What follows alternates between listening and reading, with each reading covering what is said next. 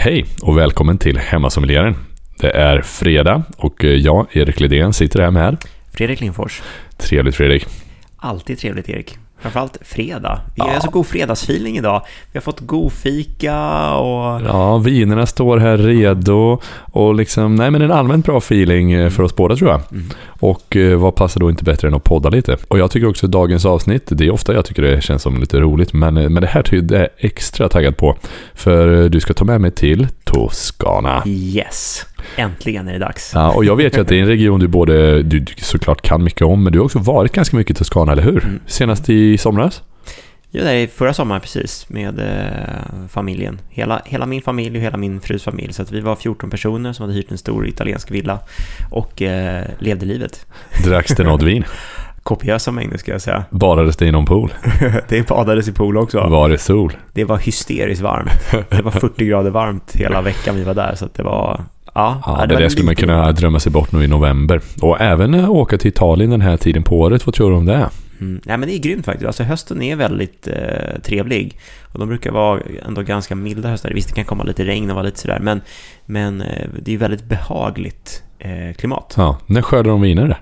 Eh, ja, det är ju ett par veckor sedan de är eh, klara. Så att det, sen beror det på. Det är också så här, när det är exceptionellt varma årgångar så skördar man ju lite lite tidigare. Men, men ska säga september i alla fall och kanske ibland en bit in i oktober är ju den normala så att säga skördeperioden. Just det. Och i år har det varit ganska varmt nere i Italien? Mm. mm. Ja, det har det ju också hela Sydeuropa egentligen. Och det här är ett fenomen som vi sett senaste åren. Då det verkligen är konsekvent varmt. Alltså det är, det är 40 plusgrader mitt i sommaren. Det är liksom deras eh, nya standard, ja. tyvärr. Men blir det mindre skördeuttag då för odlarna? Ja, eh, det blir det ju också. Och eh, det finns ju lite olika problem eller fördelar och nackdelar med det där skulle man kunna säga. Rent vad man har lärt sig i vingården är ju hur man ska arbeta för att framförallt skydda druvorna. För får druvorna direkt solljus på sig så blir de alltså solskadade och kan bli liksom brända och sådär. Och det känner man i vinet och det är inte gott. Eh, utan då handlar det om att liksom täcka druvorna med, med blad och lövverk så att de, de blir skyddade.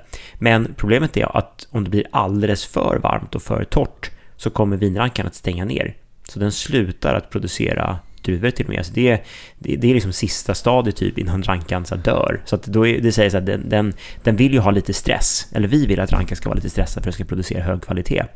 Men får den för mycket stress, då det är som att den går in i väggen och stänger det. av. Det, det, det, går liksom inte. Det är, det är en balansgång som ja, i livet ja, i stort. Exakt, så, att, så är det för druvorna också. De lever liksom lite samma, samma sätt som, som vi gör. Ja. Nej, men det är nog någonting vi får följa kommande år här, liksom, eh, väderfenomen, Sydeuropa och, och hur det påverkar viner och sådär, verkligen. Ja. Och, och du som professionell i branschen, eh, ja, du har ju örat emot och det, det känns ju som ett reellt problem. Ja, men det är det. Sen lär man sig ju som sagt väldigt mycket, eller säga, vinproducenten lär sig väldigt mycket från år till år och de anammar ju massa tekniker för att liksom kunna få göra saker och ting bättre. Ibland handlar det om kanske att jobba med eh, byta ut vad man jobbar med för druvor, för druvor som är mer resistenta mot värme och mot torka och sådana saker. Och ibland så är det sådana här saker som jag nämnde, till exempel med hur man kan jobba med, med lövverket eller ibland så är det sådana här cover crops eller sådana här grejer som, mm. som kan eh, hjälpa dem. Men kan det vara så då att ett lägre skördeuttag påverkar lagringspotentialen? Att det kan liksom eh, viner som kräver eller klarar mer lagring? Eller är det tvärtom? Eh, ja, men det skulle jag generellt sett säga, ja. Så att ju, ju lägre skördeuttag du har generellt sett, desto högre koncentration och kvalitet har du de druvorna som, som är kvar då så att säga. Så att du kommer ju då producera mindre vin till volym, men du kommer producera en högre kvalitet eller högre koncentration i alla fall. Och det gör ju också att de vinerna kommer kunna klara lagring längre. Så att lågt skördeuttag i sig, alltså så, mm. det behöver inte betyda att det kommer ett lågt skördeuttag just för att det är extremt varmt, men lågt skördeuttag är eh, positivt för hög kvalitet. Och då om man har lite koll på när det är låga skördeuttag i lite olika regioner och så vidare kanske man då kan relatera det till att eh, köper man på sig och så vill man lagra. Tycker jag det passar ganska bra att eh, ta upp vårt eh, samarbete med våra vänner på Temptech som ju producerar vinlagringskylar och vinlagringsskåp i världsklass. De har flera olika märken, bland annat Le Sommelier, Temptechs egna och eh, och eh, vi hade nyligen ett eh, samarbete där man kunde ha en rabattkod om man gick in på vår Instagram. De var generösa nog att ge 25% rabatt på valfri Temtec vinkyl. Så vi hoppas att det är några som har slagit till och passat på för att det är både snabba leveranser, väldigt bra produkter som vi själva nu har börjat använda och de klarar ju oavsett vilken kyl man väljer så är det en försäkring för att kunna lagra vinet länge under optimala förhållanden. Och använder ni koden nu under november, hemmasommelieren, när ni köper en vinkyl hos Temtex så får ni som sagt 25% rabatt. Jag helt rätt Erik. Jag tycker som sagt det är viktigt. Det som vi pratar om, det här med att, ha en, eh, att lagra vin på korrekt sätt. Det är lite som att köpa en försäkring. Att man ger liksom sina viner bästa förutsättningar för att kunna utvecklas och lagras på absolut bästa sätt. Så eh, tack till Temtec för att ni sponsrar oss.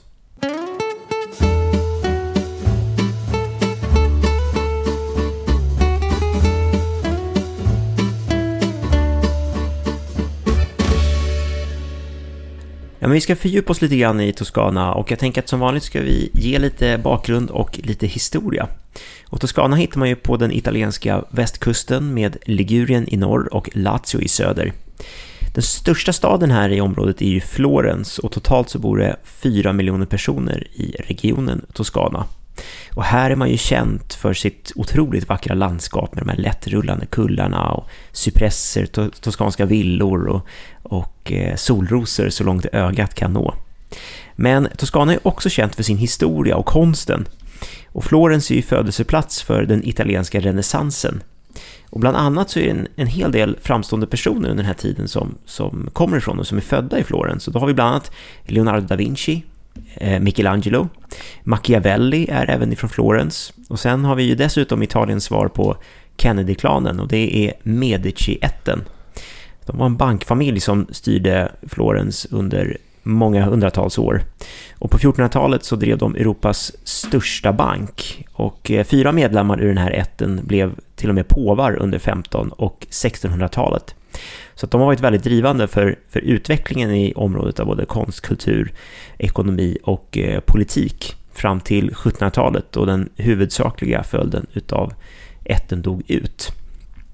Eh, men jag tänker att vi ska fokusera på lite mer vinrelaterad historia och eh, om man gör en jämförelse då med, med Medici som varit viktiga för, för eh, ekonomi, kultur och politik då så finns det ju kanske framförallt två stycken familjer som är fundamentala när det kommer till vinproduktionen och det är familjen Ricasoli och familjen Antinori. Och de här två familjerna har varit verksamma och producerat vin i Toscana i en herrans många år. Eh, och det här är ju två stycken familjeätter och alltså vinerierna, vinfirmorna är ju fortfarande drivna utav respektive familjer. Och här blir man ju också väldigt nyfiken och intresserad, alltså som gör när jag gjorde lite research inför det här. Och eh, då började jag googla världens äldsta familjeföretag. Har du gjort det någon gång? Nej. Nej, Ja, det här är en jätterolig googling. Om vi säger så här då, vad, vad, tror du är världens äldsta familjeföretag? Hur gammalt är det och i vilket land tror du att det ligger? Ja, men det är ju säkert något så här 1500-tal. Ja. Uh, ja, kanske i gamla Europa. Och vad skulle de kunna pyssla med som man har hållit på med sen dess? Vet du, typ såhär garva läder. Mm. Ja, något lädergarveri i Frankrike, mm. 1500-tal. Ja, typ in, Hermes fast liksom inte. Ja, jag ja. förstår, förstår. Bra gissning. Jag gillade det där, det var bra resonemang. Men det är ju såklart helt fel. Nej, det är världens äldsta familjeföretag som fortfarande drivs är ett hotell i Japan.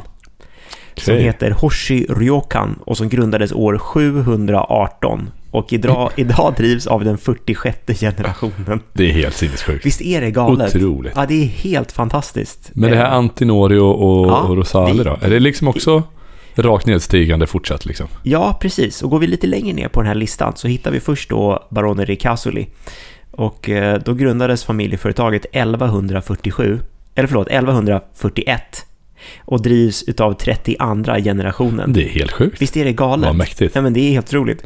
Och eh, Antinori då, ja, de är väl lite mer young guns skulle man kunna säga. men det grundades år 1365 och drivs av 26 generationen och där den 27 generationen precis kommit in i verksamheten. Nej, det, det går ju inte att ta in. Nej. Vilken otrolig tyngd. Ja, alltså det är ju väldigt häftigt. Alltså där kan man tänka sig den här gamla tv-serien Dynastin. Ja, det, ja, exakt. Den har inget på de Ja, här. det här är ju ja, otroligt. Man kan ju tänka sig också vilka... eh, Alltså de har ju sett historien. Mm. Alltså vi pratar om... De har ju sett egentligen större delen av med, medeltiden, all någon sorts eh, nutidshistoria. Vad som Har du varit på någon av de ställena? För då Ja, måste det vara någon ja. familjegård som allt utgår ifrån, eller?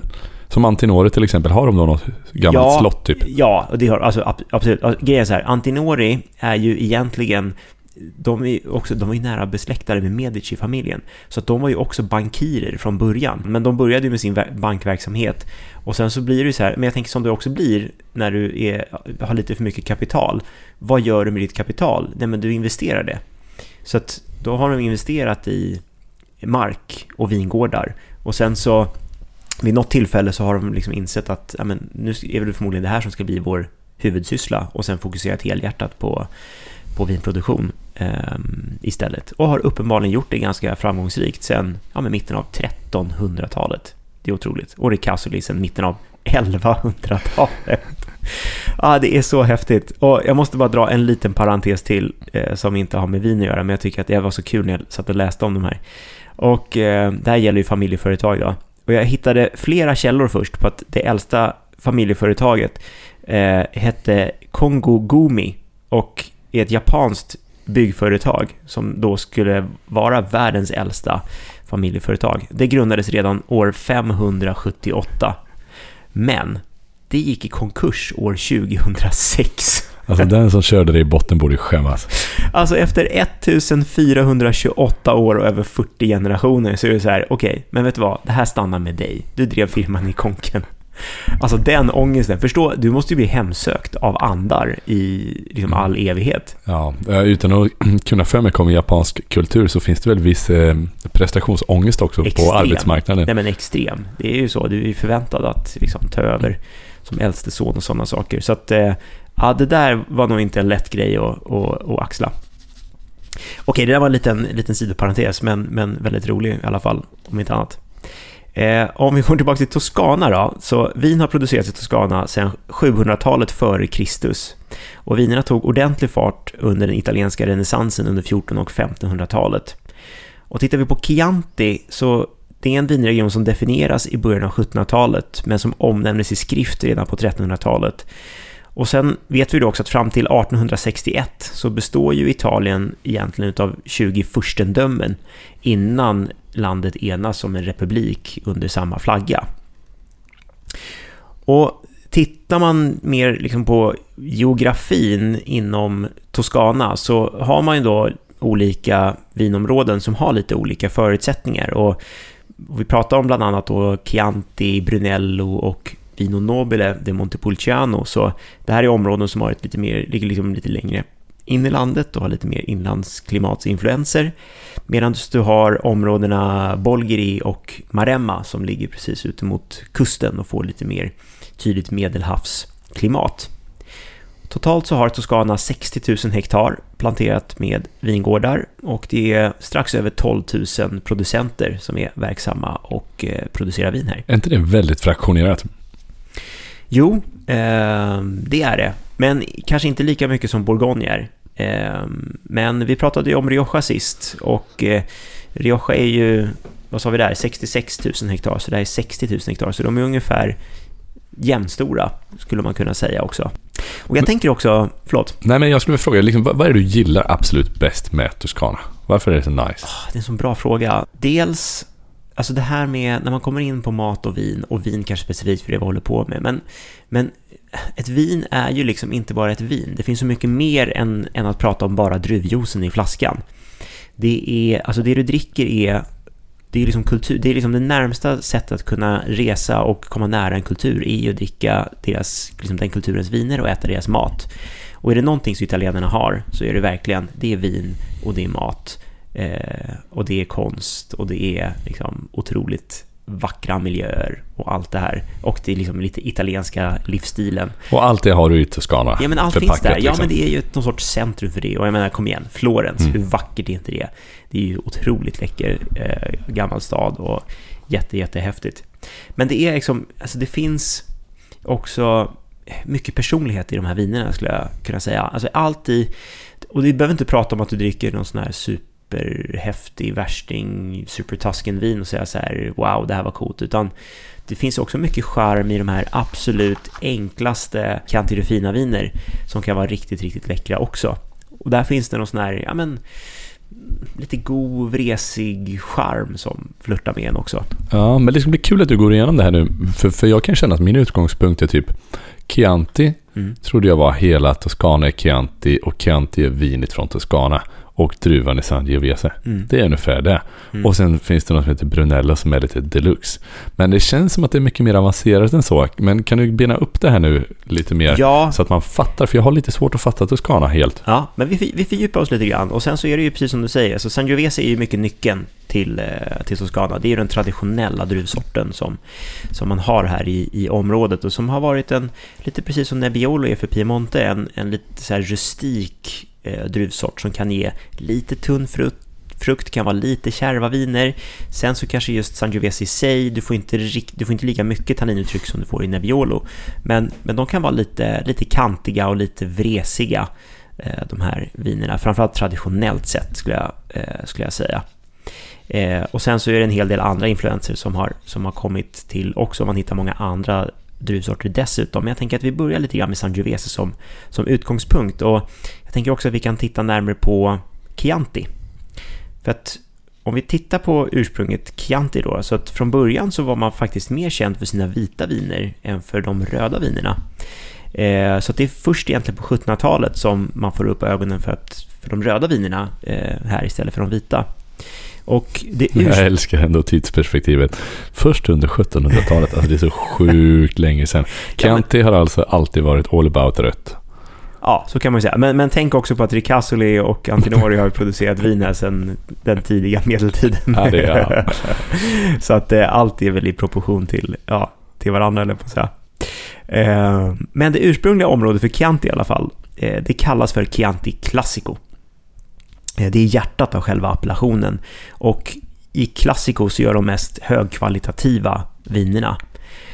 Redan under 30-talet så börjar man titta på att expandera Chianti och, och i och med att man hade liksom lite efterfrågan från vinerna härifrån. Men sen är det först under 70-talet som efterfrågan börjar öka ordentligt. Och jag kan tänka mig att det finns säkert en del där hemma som kan relatera till de här traditionella bastklädda eh, Chianti-flaskorna som är liksom lite runda, men som har så som en, en bastkjol på sig nästan skulle man kunna säga, som det står eh, Chianti på. Och eh, de här runda flaskorna kallar, kallas för fiasko, vilket jag också tycker är väldigt, väldigt roligt. För att eh, eh de, de blev verkligen ett fiasko sen. kan man säga. Det, det trycktes på alldeles för mycket, för stor volym. Eh, och eh, kvaliteten var alldeles för undermålig i, i de här flaskorna. Sen har jag också hört att när de här flaskorna producerades, så anledningen till att de är lite, lite bulliga, det är för att när här, man handblåste de här flaskorna så var det precis den kapaciteten som man kunde blåsa ut ett andetag, alltså vad, vad lungkapaciteten var, eh, som gjorde att de fick liksom lite den här formen och den storleken.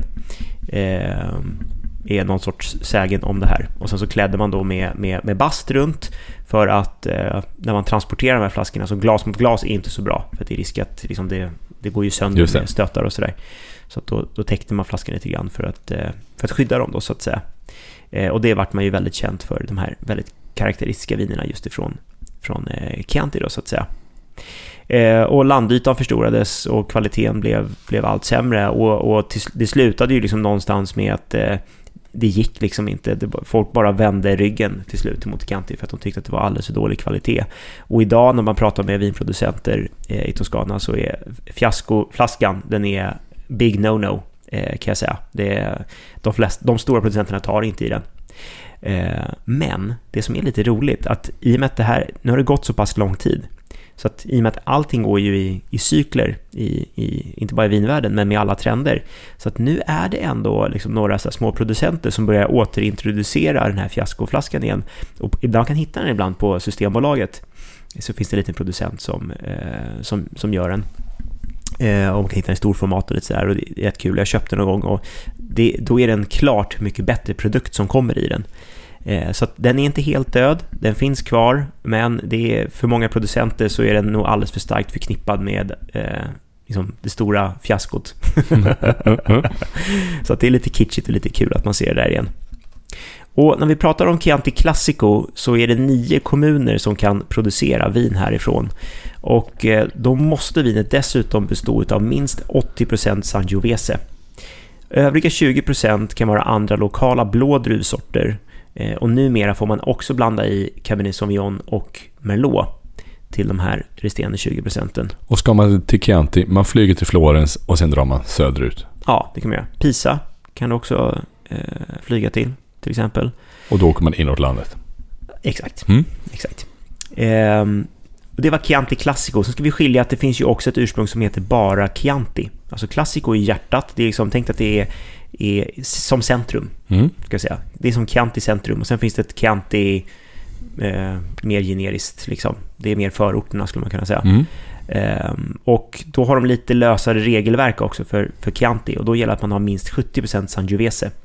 Och de resterande 30 procenten får max vara 10% gröna druvsorter som Malvasia och Trebbiano. Men resterande får vara liksom samma övriga, eh, antingen toskanska eller de här internationella druvsorterna Cabernet eller Merlot. Och då kanske du frågar så här, men vadå, gröna druvsorter i Chianti? Ja, det är faktiskt lite tradition i det också. Då finns det en, eh, fanns en herre i, i Ricasoli-familjen som hette Bettino Ricasoli som kallas för järnbaronen. Och han var verksam under mitten och senare delen av 1800-talet och han var även under en period Italiens premiärminister. Så det säger ju också hur betydande även Ricasoli-familjen har varit. Och år 1872 så skapar han liksom receptet på hur Chianti Classico ska vara. Och det här har att göra med att alltså Sangiovese är ju en druvsort som är rustik. Alltså det är, det är inga fruktiga, flörtiga viner alls, utan de är lite kärva och kräver tid. Eh, så att hans recept är 70% Sangiovese, 15% Canaiolo, som är en eh, blå toskansk druvsort, och 15% Malvasia, men skulle också kunna vara Trebbiano, och det är gröna druvsorter. Och anledningen till att han använder de gröna druvsorterna, det är just för att vinet blir mjukare och lite rundare eh, när man dricker det. Så det här var liksom ursprungsreceptet så som det sattes och så som regelverket också sattes för hur eh, vinerna skulle göras. Och det kommer dröja ända fram till 1995 innan man tillåts göra en 100% Sangiovese för Chianti Classico. Och är det fortfarande liksom det ultimata, lite som att ha 100% Nebbiolo? I en Barolo. Att man, det är det finaste. Ja, ja men jag skulle nog säga det. Du vill nog allra helst ha ett rent uttryck på Sangiovese. Och mycket av det har att göra med att man har liksom lärt sig att kunna tämja Sangiovese idag. Det gjorde man ju liksom inte riktigt historiskt sett, utan då var det ju lagringen som fick se till att göra att, eh, att vinerna blev lite mjukare. Lämnar vi Chianti så reser vi vidare mot Brunello di Montalcino. Och Brunello, det här betyder ju då ordagrant då, Brunello från Montalcino. Och då syftar man ju också till här att Brunello är en synonym till Sangiovese. Eh, så att egentligen, ja det är samma druvsort, men Brunello är en, en annan klon utav Sangiovese. Och Montalcino ligger cirka 8 mil söder om Florens och ursprungligen så trodde man att Brunello var en egen druvsort. Därav att det här området också fick, eller att vinet fick ett eget namn helt enkelt.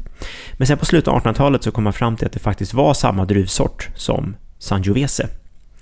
Och för Brunello de Montalcino så får man inte blända in några andra druvsorter utan det är endast 100% Brunello som, som gäller här. Eh, som då är Sangiovese? Som är Sangiovese, ja. exakt. exakt. Och, och Brunello Montalcino det är ett litet ursprung, framförallt i jämförelse med, med Chianti. Här har man endast 1200 hektar planterat jämfört med de 17 000 hektar som man har i, i Chianti. Oj, ja, då kan man verkligen förstå att de är lite svåra att få tag på. Ja, nej, men så är det ju. Och, och de kostar ju lite pris. mer också. Precis, och de är inte så många producenter heller egentligen. Och eh, under 1960-talet så var det endast 11 producenter som gjorde vin i Brunello, men de hade ett väldigt gott rykte. Eh, och man ansåg att liksom, här gör man några av Italiens absolut främsta viner. Och det är väl kanske lite det ryktet som lever kvar i Brunello än idag. Så att tyvärr, vinerna är inte så billiga. Eh, men de kan vara helt fantastiska. Jag eh, tänkte säga, är de värda det? Ja, men händerna på rätt producent, absolut. Då är det jättehäftiga viner. Och tittar man till klimatet här också i Brunello så är det bland det torraste och varmaste i Toscana, vilket ger liksom viner också som får lite mer koncentration och som får liksom lite mer naturlig rondör också. Men det är också problemet, precis som vi pratade om tidigare, att eh, man kämpar med de höga temperaturerna som det har varit problem de senaste åren. Och man börjar också tänka så här att ja, men man, man pratar också om planteringar på sydsluttningar är det bästa, för då får du den, den bästa solexponeringen hela dagen. Ja, men i Brunello så kan man också säga, ja, norrsluttningar kanske inte alltid är en så himla dum idé, just för att eh, du får lite mer svalka i vinerna och inte det här extremheta direkta solljuset hela tiden. Så det är lite mer, lite mer komplext än så. Och jag tänker vi måste också jämföra och ge oss lite grann ute mot kusten. För det finns ju ett område framförallt där ute som, som har blivit otroligt hett. Framförallt under eh, senare, mitten och senare delen av 1900-talet och ända fram till idag. Och det är Bolgeri. Och Bolgeri har egentligen en lång tradition av att producera viner, men de har länge varit enkla och rustika viner som inte alls har hållit för, för lagring, utan väldigt liksom, lantliga viner så. Och tittar vi lite tillbaka i historien, vad som har hänt här i Bolgeri, så på 1940-talet så fick Marchese Mario Incisia della Rocchetta idén om att skapa lika högkvalitativa viner i Bolgeri som de franska Bordeauxvinerna som han själv var van vid att dricka. Och han fick tag i sticklingar, alltså sticklingar ifrån vinrankor från en, en god vän eh, i Toscana som hade Cabernet Sauvignon planterat i sin vingård som var lite längre in i landet. Och han planterade de här vinrankorna i, eh, i Bolgeri. Och i början så gjordes de här vinerna för, för hans vänner och, och familj, men sen eh, i slutet av 60-talet så fick eh, Marion Chiset eller Rocchettas brorson Piero Antinori eh, en idé om att sälja det här vinet till allmänheten. Och sen sagt och gjort, och i början av 70-talet så lanserades den första årgången av ett Cabernet Sauvignon-baserat vin ifrån Bolgeri. Det var årgång 1968 och vinet var Sassicaia. Det har du säkert talat om, Erik. Ja, verkligen. Ja, det är ju rockstjärnan eh, här ute, skulle man kunna säga. Så det här är ett vin som på väldigt kort tid fick väldigt stor uppmärksamhet, både i Italien men även internationellt. Men så det ägs av familjen Antinori? Eh, nej, det gör det inte. Utan det är den här andra familjen då, eh, Incisia della Rocchetta. Men det är också en sån här Marchese-familj. Alltså Marchese, det är ju typ, vad säger man? Mar Adliga typ? Ja, Marquis mm. säger vi, mm. skulle vi säga på svenska. Så att du har ju, alltså, eh, så de här är markiser, Antinori är också en markisfamilj och ja, det, det finns en hel del sådana där. Så att de är ju, precis, de är ju besläktade, så de är släkt med Antinori. Eh, men det är inte Antinori som äger det här. Antinor har en annan egendom som vi faktiskt ska prova lite senare som heter Trinita Guado Altasso. Eh, som kommer i en liten provning här. Kul, ska, kul. Att vi ska testa. Okej, men MSA kan jag höra talas om. Ja. Men vadå, det är en Cab Sauvignon? Ja, stämmer. Mm. Det är ingen Sangiovese i den. Från Toscana? Mm. Är det det man kallar supertoscaner? Ja, korrekt. Så att Sassicaia är den första supertoscanan. Alltså de oh, sätter, wow. sätter ribban. Och det börjar här. Eh, det börjar här helt enkelt. Och alltså, tittar vi här också, det som är så himla intressant, alltså som sagt, Bolgeri, det här var ju ödemark. De producerade liksom, väldigt enkla skräpiga viner härifrån. Och sen helt plötsligt kommer ett vin som, som Sassicaia in på marknaden. Och, Men då trivs Cab där bra? Det är bra klimat ja, liksom? det här är också det som är mm. grejen. Sangiovese trivs inte vid vattnet. Eh, säger man om vinerna runt, runt Bolgeri. För att det blir för svalt då? Ja, här är, här är, eh, alltså här är Cab och Merlot och mm. Syrah eh, till exempel mycket, mycket bättre. För så är det lite med Napa Valley med. Det ligger inte vid kusten, men lite, lite kustnära, en liten bit in. Ja, är det här liksom Italiens mer, Napa Valley? Ja, men jag ska, Napa har du mer, ännu mer inlandsklimat än okay. vad du har här. Här har du tydligt liksom medelhavsklimat mm. eh, skulle jag säga. Men det handlar nog mer, det är nog mer att Sangiovese görs inte mm. så bra i just Bolgeri, men här trivs de, de franska ja. druvsorterna väldigt, väldigt bra. Men vi kan inte lämna supertuskarna Nej, nej, nej, nu ska, vi, nu ska vi prata lite mer här tänker jag, för att det här, här blir det ju väldigt intressant om historien, vad som händer också när Sassicaia släpps. Eh, för att Bolgeri också, det här var ju ett helt okänt område. Till skillnad från Chianti Classico, Brunello och de Montalcino som var liksom, alltid har varit starka namn. Och eh, eftersom det här vinet då, Sassicaia, gjordes på franska förbjudna druvsorter så kunde man inte klassa det här vinet än någonting annat än ett enkelt bordsvin. Så det vart alltså vino da tavola. Eh, men prislappen var ju inte alls samma som för ett bordsvin, utan de helt enkelt satte det som att ah, men det här är ett av Italiens dyraste viner. det är rakt ganska, av liksom? Ja, rakt av. Ja. Det är ganska kaxigt. Så att då blev, man började prata om de här superbordsvinet. Eh, Sassicaia. Ah. Och då ah. började det här att det var ett, liksom ett super Tusken-vin. Så det blev helt enkelt, det var mycket snack om Sassicaia i, i början. Och man kan ju tycka så här att ja men den här öppna dörren som, som till slut sparkades in, det kom med årgång 1985 av Sassicaia då vinkritikern, den amerikanska vinkritikern Robert Parker. Nu kommer han, ja, nu Robert. Han här. Men han, han, har, han har betytt mycket och då kan jag säga att i det här fallet så var han, han gav 100 poäng till Sassicaia 85 och det var första gången som ett italienskt vin fått 100 poäng. Wow. Så att det säger också en hel del om, ja, om, om resan. Och sen är man säger ja, resten är historia. Men det här är ju ett vin man vill dricka. Mm, ja, det vill man jättegärna göra. Är det lätt att få tag på billigt eh, eller? Det är inte så billigt. Det kostar 3000 spänn säkert. Um, och det släpps en gång per år och så får man skynda och köpa det. Och eh, jag har ju en fantastisk historia tillsammans med Sassicaia. Det är ju det vin som har fått mig att börja studera vin. Är det sant? Mm. Berätta. Nej, men jag jobbade ju som bartender innan. Och gick ju liksom spritvägen in på, på vin. Ehm, och så var det en dag, det här var jag jobbade på, på Grand Hotel i Stockholm för massa år sedan. Eh, så kom sommelieren till mig med, med ett vinglas och bara så här, men Fredrik, prova det här, för det var en gäst som hade beställt där. Så det här var, det var ett gott vin. Och så liksom doftade jag på det och så bara så här, wow, herregud, vad är det här? Och så smakade jag och så var det bara, jag var helt mindblown. Jag kunde inte förstå att vin kunde smaka så här. Du vet, jag gick ifrån den synen jag hade på vin var att eh, det var ungefär som att jag gick från att titta på svartvit tv till att sitta på Cosmonova, alltså du vet att få en så här IMAX 3D-upplevelse, färg från alla håll. Det var liksom så.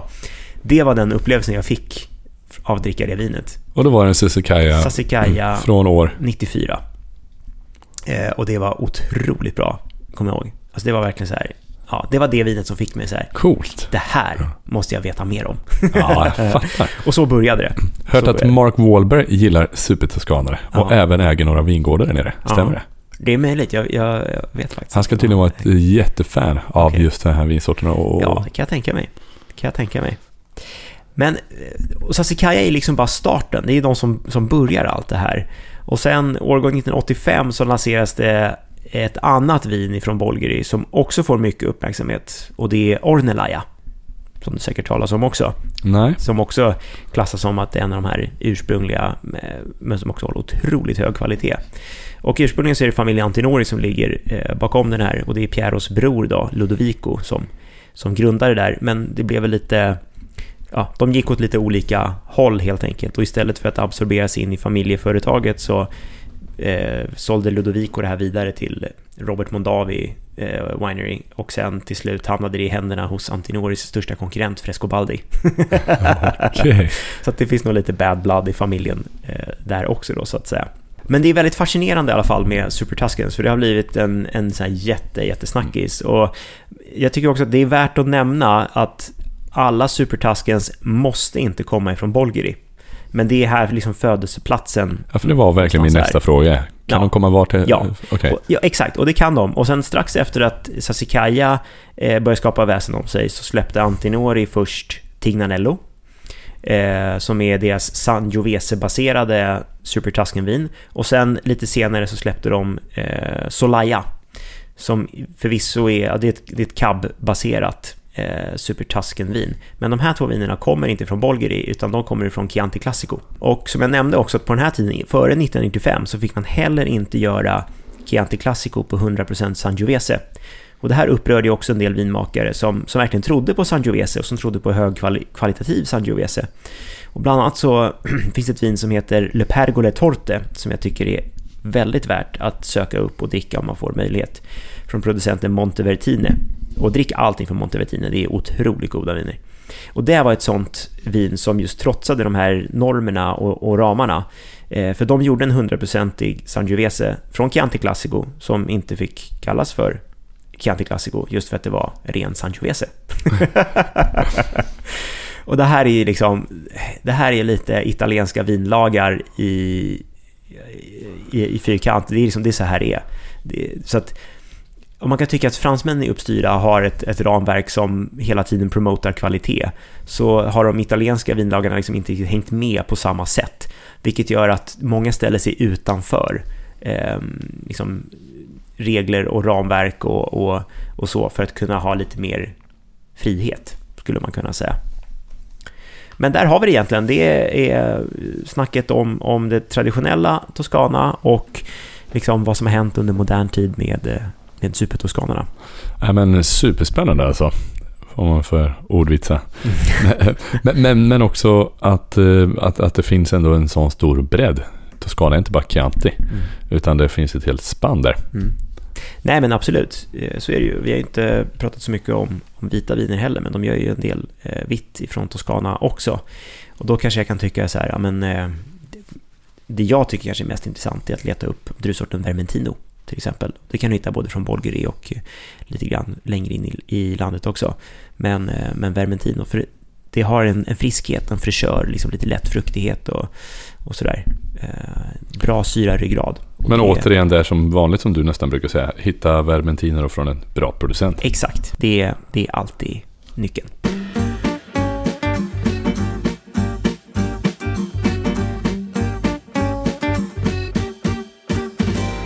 Men Fredrik, hur ser möjligheten ut att få prova lite vin från Toscana då? Hög sannolikhet skulle jag säga. Väldigt hög sannolikhet. För jag har eh, tagit med mig två viner här.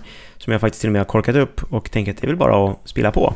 Alltså, gärna. Eller hur? Och nu, nu tänkte jag säga, ett försök återigen till att vara så här pedagogisk. Det tycker jag du brukar lyckas eh, väl med. Ja, tack. Eh, nu har jag faktiskt tagit med mig ett vin ifrån familjen Ricasoli och ett vin från familjen Antinori. Oj, oj, oj. Ska det bli någon sorts eh, toskanskt battle?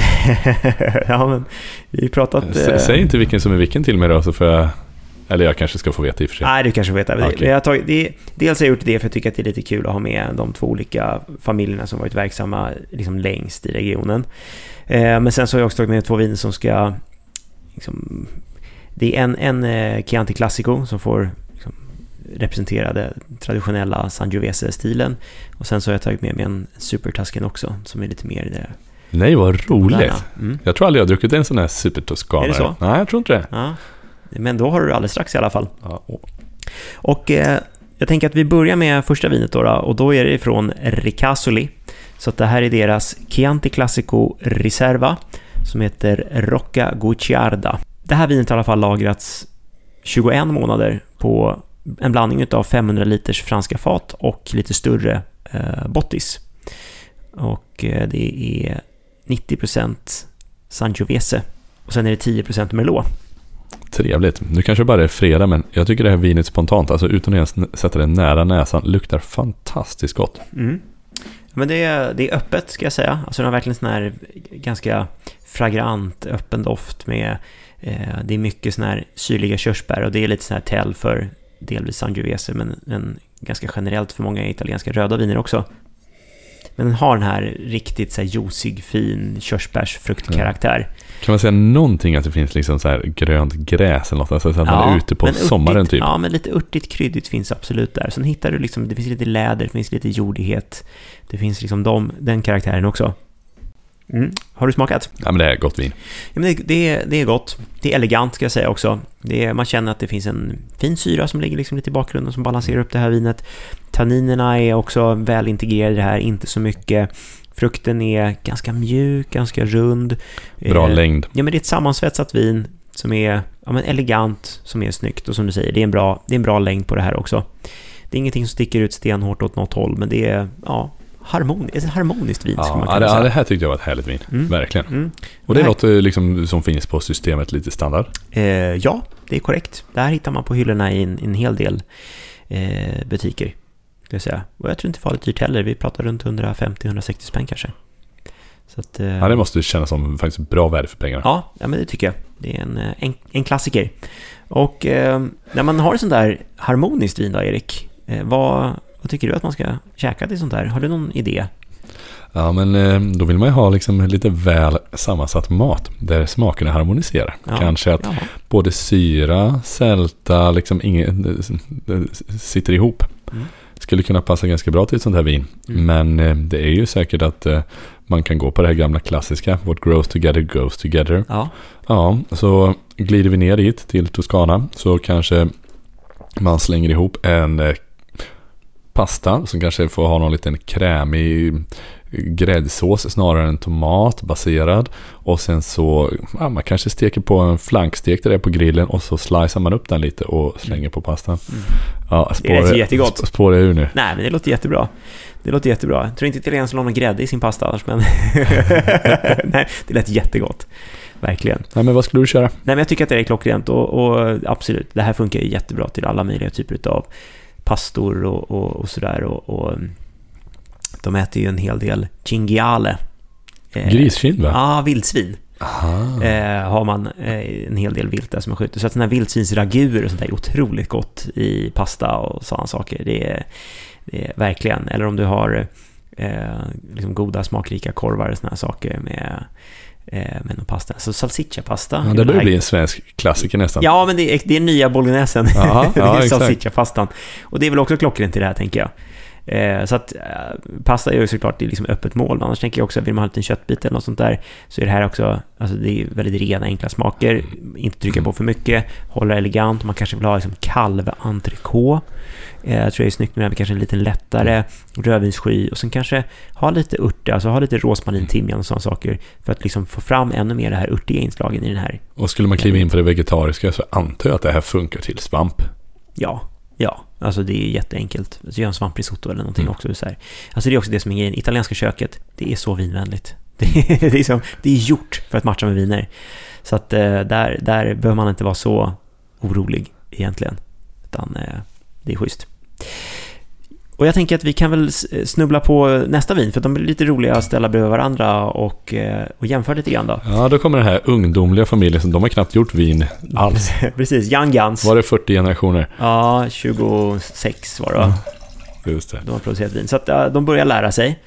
Eh, Men eh, då är det här då familjen Antinori som äger ett vineri, som- vineri som heter Guado al Tasso eh, i Bolgheri. Och det här är deras vin Il Bruciato. Det här är en blend på Cabernet Sauvignon, Merlot och Syrah. Så att här hittar du inga italienska druvsorter Just det. Och därav Super Toscanare. Ett bordsvinsklassat, men det är finare kvalitet, bra med energi nedlagt. Ja. Superbordsvin. Precis.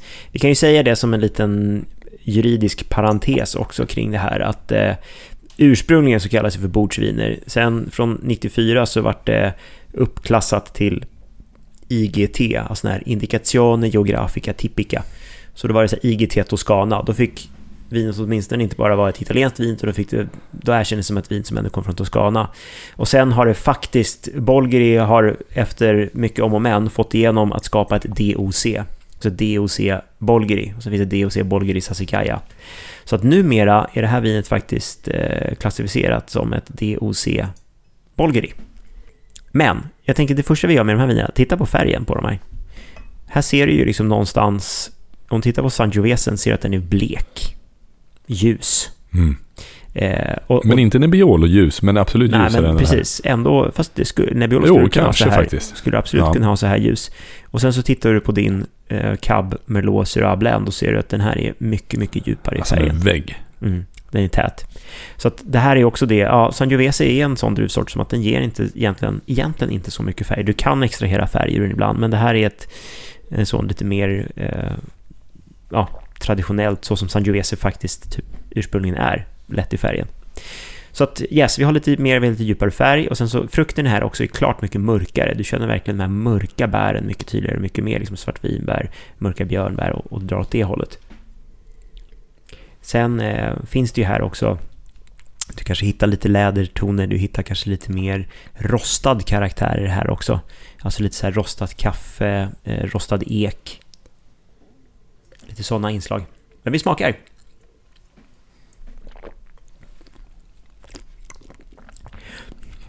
Det är ett vin som fyller ut på ett annat sätt också.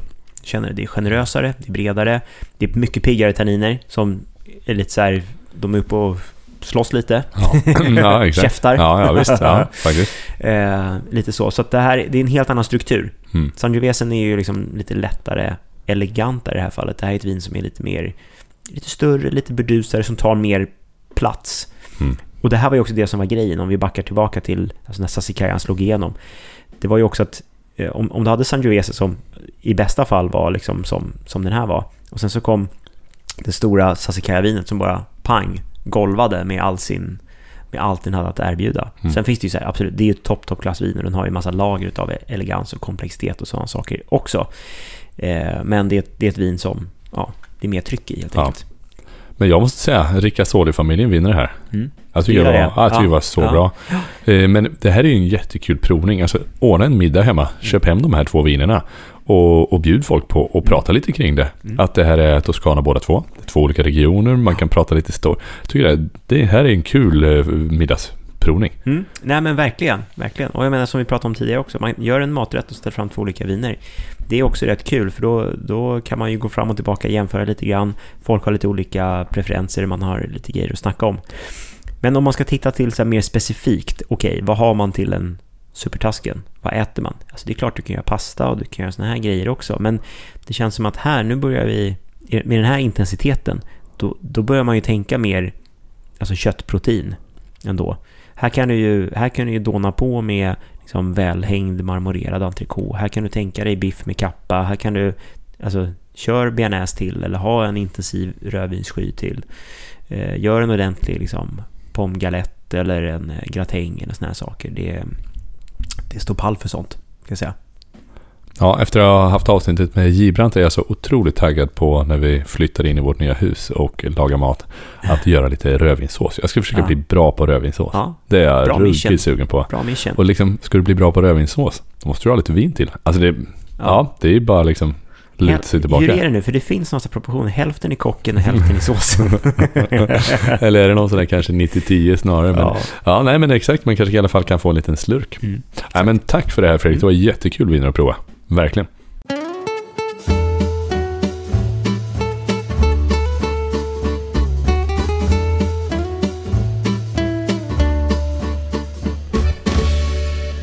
Eh, Jag tycker vi passar på och eh, innan vi avslutar det här att jag får dra några frågor. Shoot. För jag kan ändå känna att eh, det här har varit ett kul avsnitt att lyssna på. Men jag, jag, vill ha liksom, jag vill ha lite mer info. Ja. Och nu har jag några grejer. Och dels är det så här, jag tittade lite på kartan medan du pratade och sådär för att verkligen få upp bilden av Toscana. Mm. För jag tycker Toscana har varit lite svårt att förstå och jag tycker det har underlättat medan du pratar att kika på kartan. Och då såg jag den här regionen Montepulciano. Just det. Och då känner jag det från mina föräldrar. De har snackat om när vi har varit i Italien när jag varit yngre. Då är det, ja, Montepulciano, det är ett fint vin. Mm. Va, va, va, har du något på den regionen? Ja, ja. Är det ens en region? Ska jag göra det lätt eller ska jag göra det svårt för dig? Ja, men jag, alltså, Nej, men jag tror ändå att vi gillar sanningen och Ja. eh, vi tar gärna i den här podden en omväg för att lära oss någonting Ja. extra kul. Vi börjar så här då. Vi börjar så här. För att det är bra att du nämnde det, för att eh, det här det, det kräver lite story här också. Men det finns ju Vino Nobile de Montepulciano. Alltså det är viner som vi kanske inte ser riktigt lika ofta, men, men de, de speglar ju ändå lite grann vinerna från Chianti och från Brunello de Montalcino. Så att Sangiovese-baserade Och vi är nära Brunello, eller hur? Fast ja, ändå inte exakt. Du är nere i södra delen utav, eh, utav Toscana. Mm. Eh, men du hittar kanske inte samma koncentration och samma djup som du gör i, i, i Brunello. Eh, så, så det är liksom en del utav det här. Men goda viner, absolut, hittar därifrån. Det svåra i det här, och, och an, anledningen till att säga ja, men man pratar om Montepulciano. Problemet är att det finns ett ursprung, som här, som är Montepulciano. När det heter, vinet heter då Vino Noble, alltså det ädla vinet från Montepulciano. Sen, förvirrande nog, som det så många gånger är i vinvärlden, så finns det också en druvsort som heter Montepulciano, som inte har någonting med området Montepulciano att göra. Och du är inte ens i samma del, det, här, det är inte ens eh, Toscana, utan det man kanske mest känner för, för, för Montepulciano är Abruzzo. Så då ser du ett vin som Vart är heter vi då? Montepulciano d'Abruzzo, då är du på ostkusten istället. Aha, alltså Venedig. Längre söderut. En, Längre söderut, så att det är inte Toscana. Okej, Rimini och så söderut, typ. Och, och, och, rakt österut, Ja. liksom bara, där har du Abruzzo. Så där hittar du Montepulciano d'Abruzzo. Du, det är kanske är där de har druckit Så faktiskt. det är det som är svårt att veta. Om någon säger så här, jag drack så himla gott eh, Montepulciano, så är man så här, mm, Mhm. drack de Vino Nobile de Montepulciano? inte säkert, för att man kallar ofta det vinet för Vino Nobile. Mm. Men säger man bara Montepulciano, då är det med stor sannolikhet att man har druckit Montepulciano, alltså druvsorten, ifrån förmodligen då Abruzzo. Snyggt. Alltså det är exakt sån här nördkunskap som vi hemmasommelierer vill tillskansa oss. Så tack för det Fredrik. Ja, återigen, det vi pratar om, det är inte logiskt i vinvärlden. Det är inte, enk- det är inte meningen att man som konsument bara ska kunna allt det här, utan att det är snårigt.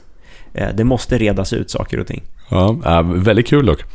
Eh, då har vi två frågor till.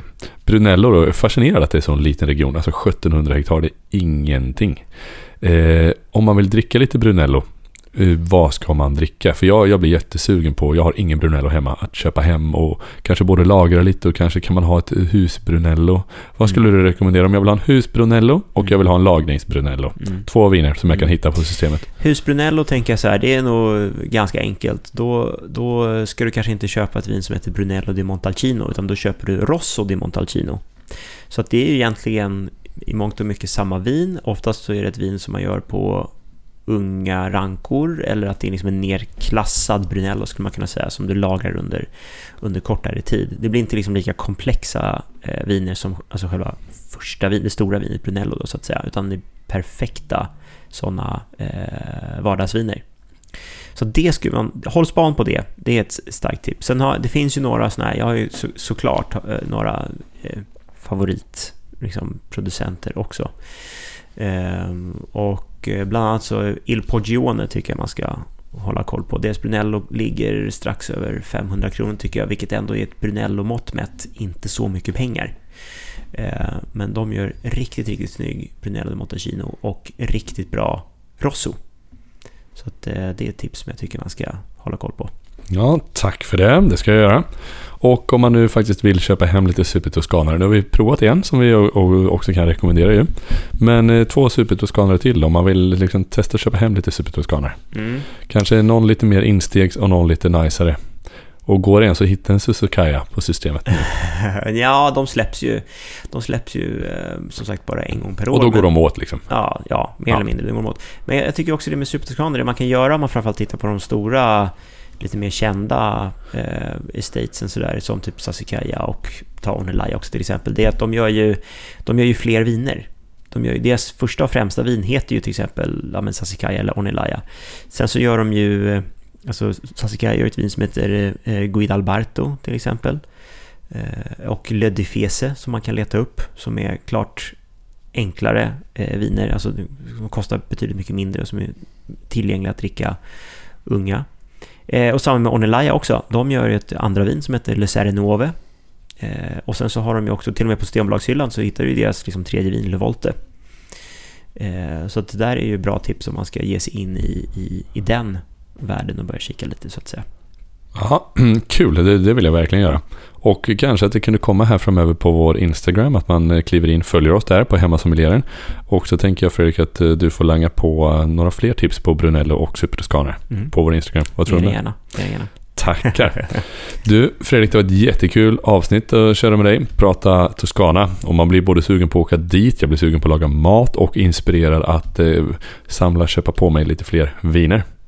Stort tack för detta. Tack själv Erik. Skål och eh, trevlig helg. Samma. Skål! Skål!